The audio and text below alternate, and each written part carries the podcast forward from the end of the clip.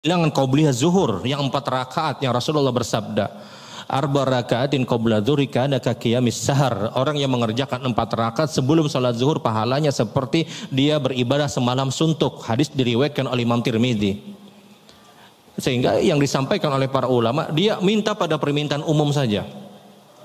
Jadi jangan terlalu detail benar di awal itu. Tapi kalau selesai kita mengerjakan semua sunnah Nabi masih punya durasi waktu silahkan dengan detail ini cara aja. Tapi kalau sekali lagi pian kejar hadisnya tidak ada hadis. Ini cara yang disampaikan oleh para ulama. Karena sekali lagi kalau detail di awal tadi dengan banyak permintaan kita, khawatir kita tidak menutup waktu untuk mengerjakan sholat sunnah. Ya mungkin dia mengambil waktu 10-20 detik atau mungkin paling lawas mungkin 30 detik atau satu menit di permintaan awal tadi. Jadi kalau doa di permintaan awal tadi yang itu kualitasnya lebih baik, yang sepele-sepele itu jangan tapi dimasukkan. Ya Allah hamba selesmaan, ya Allah ampihakan ya Allah. Kelas selesmaan jangan masuk di awal dulu. Ya, selesmaan itu ya ya benar kita perlu minta kepada Allah, tapi ini waktu waktu yang sangat-sangat berkualitas. Doa umum saja, doa umum seperti misalnya ya Rabbana atina fid dunya hasanah doa sapu jagat. Atau doa misalnya Allahumma ini as'aluka ma sa'alaka bihi Muhammad sallallahu alaihi wasallam min kulli khair. Ya Allah memohon kepada engkau semua kebaikan yang pernah diminta Rasul. Hamba berlindung dari semua kejahatan dan kejelekan yang Rasulullah pernah berlindung. Itu masuk semua. Atau misalnya kalau ada hendak ngalih ya Allah kabulkan hajat yang pernah hamba minta. Nang apa aja? Nang pian minta masuk aja sudah di situ tapi kalau ya Allah selesmaan ya Allah dua hari sudah kada ampe-ampe ya Allah. Kita masukkan doa di awal. Sayang ini kualitas baik. Kualitas sangat utama untuk berdoa. Seorang muslim ingat beribadah itu harus cerdas, harus pintar. Di mana dia mengambil kesempatan yang baik. Kita harus berbeda, kita harus punya kualitas lebih baik. Mohon maaf dibandingkan orang-orang yang tidak berhadir pada majelis taklim. Apa manfaat kita hadir pada majelis taklim sementara kita tidak punya kualitas lebih baik? Kita harus mengambil keadaan-keadaan yang lebih baik. Kita harus terus memperbaiki diri kita di setiap hari. Jadi yang pertama, di antara doa yang sangat-sangat mustajab adalah setelah azan atau antara azan dan iqamah. Dan ini waktu keadaan yang mayoritas atau semua kita mudah untuk mendapatkannya. Kemudian yang kedua, di antara waktu yang begitu mudah juga kita dapatkan adalah setiap sujud di dalam sholat. Setiap sujud di dalam sholat. Setiap sujud di dalam sholat ini waktu dan keadaan yang begitu dicintai oleh Allah ketika seorang hamba berdoa.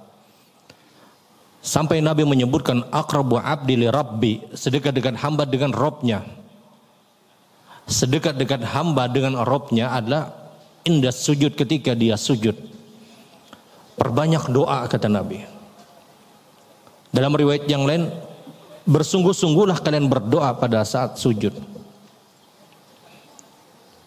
Lihat, Rasulullah boleh menyebutkan akrabul abdi li Rabb, sedekat-dekat hamba dengan Rabbnya. Para ahli hadis meneliti kenapa Nabi menyebutkan akrabul abdi li Rabb, sedekat-dekat hamba dengan Rabbnya. Kenapa Nabi tidak menyebutkan sedekat-dekat hamba dengan Allah? Kenapa Rasul Shallallahu Alaihi Wasallam menggunakan kalimat akrabul abdi li Rabb? Sedekat-dekat hamba dengan Robnya. Rasul tidak sebut akrabul abdi lillah, sedekat-dekat hamba dengan Allah. Kenapa sampai muncul kalimat Arab pada saat kita berdoa ketika sujud? Kenapa yang tidak dimunculkan lafaz Allah padahal kita tahu tidak ada nama yang terbaik yang dimiliki oleh Allah dari nama-nama yang telah diajarkan oleh Allah melebihi dari nama Allah karena Allah adalah ma'lu wal ba'bud. Allah adalah zat yang diibadai. Kita tahu ada Ar-Rahman, Ar-Rahim, Ar-Razak dan yang lainnya. Yang terbaik adalah lafaz kalimat Allah. Karena Allah ma'lu wa huwal ma'bud. Karena Allah adalah zat yang wajib diibadahi. Tapi masuk doa pada saat sujud kenapa Nabi menggunakan lafaz Rob tidak menggunakan lafaz Allah? Kenapa Nabi tidak bersabda sedekah dekat hamba dengan Allah, tapi Nabi menyebutkan sedekah dekat hamba dengan Robnya, dengan Rob. Kenapa Rob yang muncul? Para ahli hadis meneliti karena Rob artinya adalah penguasa seluruh alam semesta, Robul Alamin. Rob artinya adalah menyelesaikan seluruh hajat-hajat yang diminta. Sehingga korelasinya lah kaitannya adalah dengan orang yang sujud kemudian dia berdoa dipakailah lafaz Rob oleh Nabi Shallallahu Alaihi Wasallam karena Rob menuntaskan dan menyelesaikan hajat-hajat manusia. Karena lebih cocok dengan lafaz Rob dibandingkan Allah. Karena Allah itu erat kaitannya dengan ma'lu wal ma'bud. Allah itu erat kaitannya dengan ibadah. Erat kaitannya dengan ibadah. Sementara doa erat kaitannya dengan hajat manusia. Dan hajat ini erat kaitannya dengan Rabbul Alamin. Lihat bagaimana para ahli hadis sampai meneliti dengan detail semua lafaz kalimat hadis Rasul Sallallahu Alaihi Wasallam. Mereka punya kualitas luar biasa. Kalau kita ini kan tinggal masaknya aja. Pertama kali tapi hendak kau pikir, kedua kali tapi tahan juga memikirkan. Ahli hadis itu meneliti ulama-ulama terbaik sebelum kita itu luar biasa. Mayoritas waktu mereka itu untuk kepentingan umat Imam Nawawi pian tahu sampai beliau wafat beliau belum menikah belum kada menyuruh pian kada menikah kada aku kayak Imam Nawawi aja Imam Nawawi hafal banyak kita kul Allah ahad kul falak Imam Nawawi itu kata ibu beliau saya harus menyuapi memberikan makanan untuk seorang Nawawi yang sudah dewasa disuapi Imam Nawawi sampai kedingat lagi lawan makan terus belajar itu Imam Nawawi. Zaman wah ini kada ingat makan main game. Imam Nawawi, mohon maaf, beliau sampai dewasa kata ibu beliau, saya harus menyuapi Imam Nawawi, seorang Nawawi. Kenapa? Karena lupa dengan yang namanya makan, terlalu tenggelam dengan terus belajar syariat agama yang ditetapkan dan diajarkan oleh Allah dan Rasul Sallallahu Alaihi Wasallam. Nah ikhwanu fidin rahimakumullah. Kita kembali. Ketika sujud kata Nabi, perbanyak doa. Ingat Bapak Ibu yang dirahmati Allah. Doa pada saat sujud tidak hanya diletakkan di sujud terakhir, tidak. Di semua sujud itu dianjurkan dan diperintahkan. Tidak dikhususkan hanya di sujud terakhir. Di semua sujud di dalam sholat, sunnah untuk memperbanyak doa secara umum. Tapi tentunya dalam sholat berjamaah, mau tidak mau kita harus mengikuti apa yang dilakukan oleh imam. Kalau kita sholat sunnah, di semua sujud, kita bebas untuk berdoa, meminta kepada Allah. Pertanyaannya kenapa para ulama banyak menitik beratkan di sujud terakhir? Alasannya adalah karena sebagian besar orang-orang yang berdoa pada sujud terakhir mereka memperlama sujudnya. Sebabnya adalah karena kalau mereka ingin mendapatkan sujud lagi maka mereka harus mendapatkan sholat yang baru.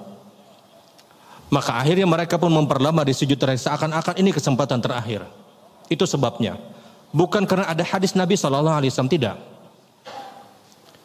semua sujud itu diperintahkan berdoa dan memperbanyak tapi kenapa mayoritas orang berdoa pada saat sujud itu lebih lama di terakhir? Karena ini kesempatan terakhir mereka yang kalau mereka ingin mendapatkan doa lagi pada saat sujud mereka harus mendapatkan sholat yang baru. Sehingga mereka pun memperlama doa pada sujud pada saat sujud terakhir. Tapi di setiap sujud kita dianjurkan untuk berdoa. Dan mohon maaf pendapat yang paling aman di dalam berdoa pada saat sujud adalah dia tidak melafatkan dan dia tidak mengucapkan. Ini pendapat yang paling aman meskipun ada pendapat yang menyatakan boleh, namun kita khawatir berhadapan dengan hadis Rasul, la tasihhu salata fiha min kalamin nas fa inna salata fiha tasbih wa takbir wa qiraatul Quran. Janganlah kalian kata Nabi sallallahu alaihi wasallam berkata-kata di dalam salat karena sesungguhnya di dalam salat kalian hanya diperintahkan untuk membaca zikir-zikir salat. Sementara doa itu bukan bagian dari zikir sholat. Oleh karena itu pendapat yang paling aman adalah cukup dia di dalam hati ketika dia berdoa pada saat sujud dengan bahasa apa pun. Dengan bahasa apa pun. Hendak pakai bahasa Banjar kah, hendak pakai bahasa Indonesia kah, terserah. Dia diberikan kebebasan meminta apa pun di sujud terakhir tadi atau di semua sujud. Dengan bahasa apa pun, tapi pendapat yang paling aman adalah dia tidak melafatkan dia tidak mengucapkan. Karena kalau kita ucapkan kita beresiko dengan hadis Nabi, la tasihu salata fiha min kalamin nas. Kalian jangan mengucapkan apa pun di dalam salat kecuali hanya zikir salat kata Rasul. Hanya zikir-zikir salat. Kemudian di antara waktu yang juga sangat-sangat mustajab untuk kita berdoa adalah di setiap kita berada di tasyahud akhir. Setelah kita berlindung di empat perlindungan, Allahumma inni a'udzubika min adzabi jahannam wa min adzabil qabri wa min fitnatil mahya wal mamat wa syarri masihid dajjal dalam riwayat yang lain wa syarri fitnati masihid dajjal dalam riwayat yang lain wa fitnati masihid dajjal. Ada tiga riwayat. Jangan misalnya sekung syari masih dajjal, sekung syari fitnati masih dajjal. Gara-gara ini bocelengan. Apa tadi aja? Hanyar kan aja. Ya, nang hanyar ini kita nang hanyar membaca. Artinya ini memang disebutkan dalam hadis-hadis Rasul. Setelah kalian idza faraga ahadukum min tasyahud, kalau kalian sudah selesai baca tasyahud kata Nabi, kalian berdoa dan berlindung di empat perlindungan tadi. Suma layat umasya. Kemudian kata Rasulullah berdoalah apa yang kalian inginkan di tasyahud akhir. Nah di sini berdoa dengan apa yang kalian inginkan. Pendapat yang paling aman adalah berdoa dengan apa yang pernah diajarkan Nabi. Apa itu di antara doa yang pernah diminta Nabi pada saat tasyahud akhir adalah beliau pernah berdoa dengan kalimat Allahumma hasibni hisaban yasira. Ya Allah mudahkan hamba nanti agar dihisab dengan hisab yang mudah di hari kiamat. Atau berlindung dengan kalimat Allahumma inni a'udzubika minal ma'tham wal maghram. Minal ma'thami wal maghram. Ya Allah hamba berlindung kepada engkau dari perbuatan dosa dan hutang. Itu di antara doa-doa yang pernah diminta Nabi ketika di tasyahud akhir. Setelah empat perlindungan. Empat perlindungan ini wajib untuk dibaca. Kemudian dia bisa berdoa tadi. Perbedaannya dengan doa pada saat sujud. Kalau di dalam sujud kita bebas dengan bahasa apa pun. Tapi yang dititik beratkan adalah tidak, tidak dia lafatkan. Adapun berdoa pada saat tasyahud akhir adalah mengambil doa-doa yang pernah diajarkan Nabi ketika tasyahud akhir dan itu dilafatkan. Perbedaan yang selanjutnya adalah kalau kita berjamaah, sholat berjamaah dengan imam, imam bangun dari sujud, selesai tidak selesai doa kita, kita harus bangun dari sujud. Karena biar bagaimanapun inna maju'ilal imam muliyota mabih. Biar bagaimanapun kita harus mengikuti gerakan imam yang itu berkaitan dengan rukun-rukun sholat. Imam bangun dari sujud, mau tidak mau kita bangun dari sujud. Selesai tidak selesai doa kita. Makruh untuk berlama-lama sementara imam sudah bangun dari sujudnya.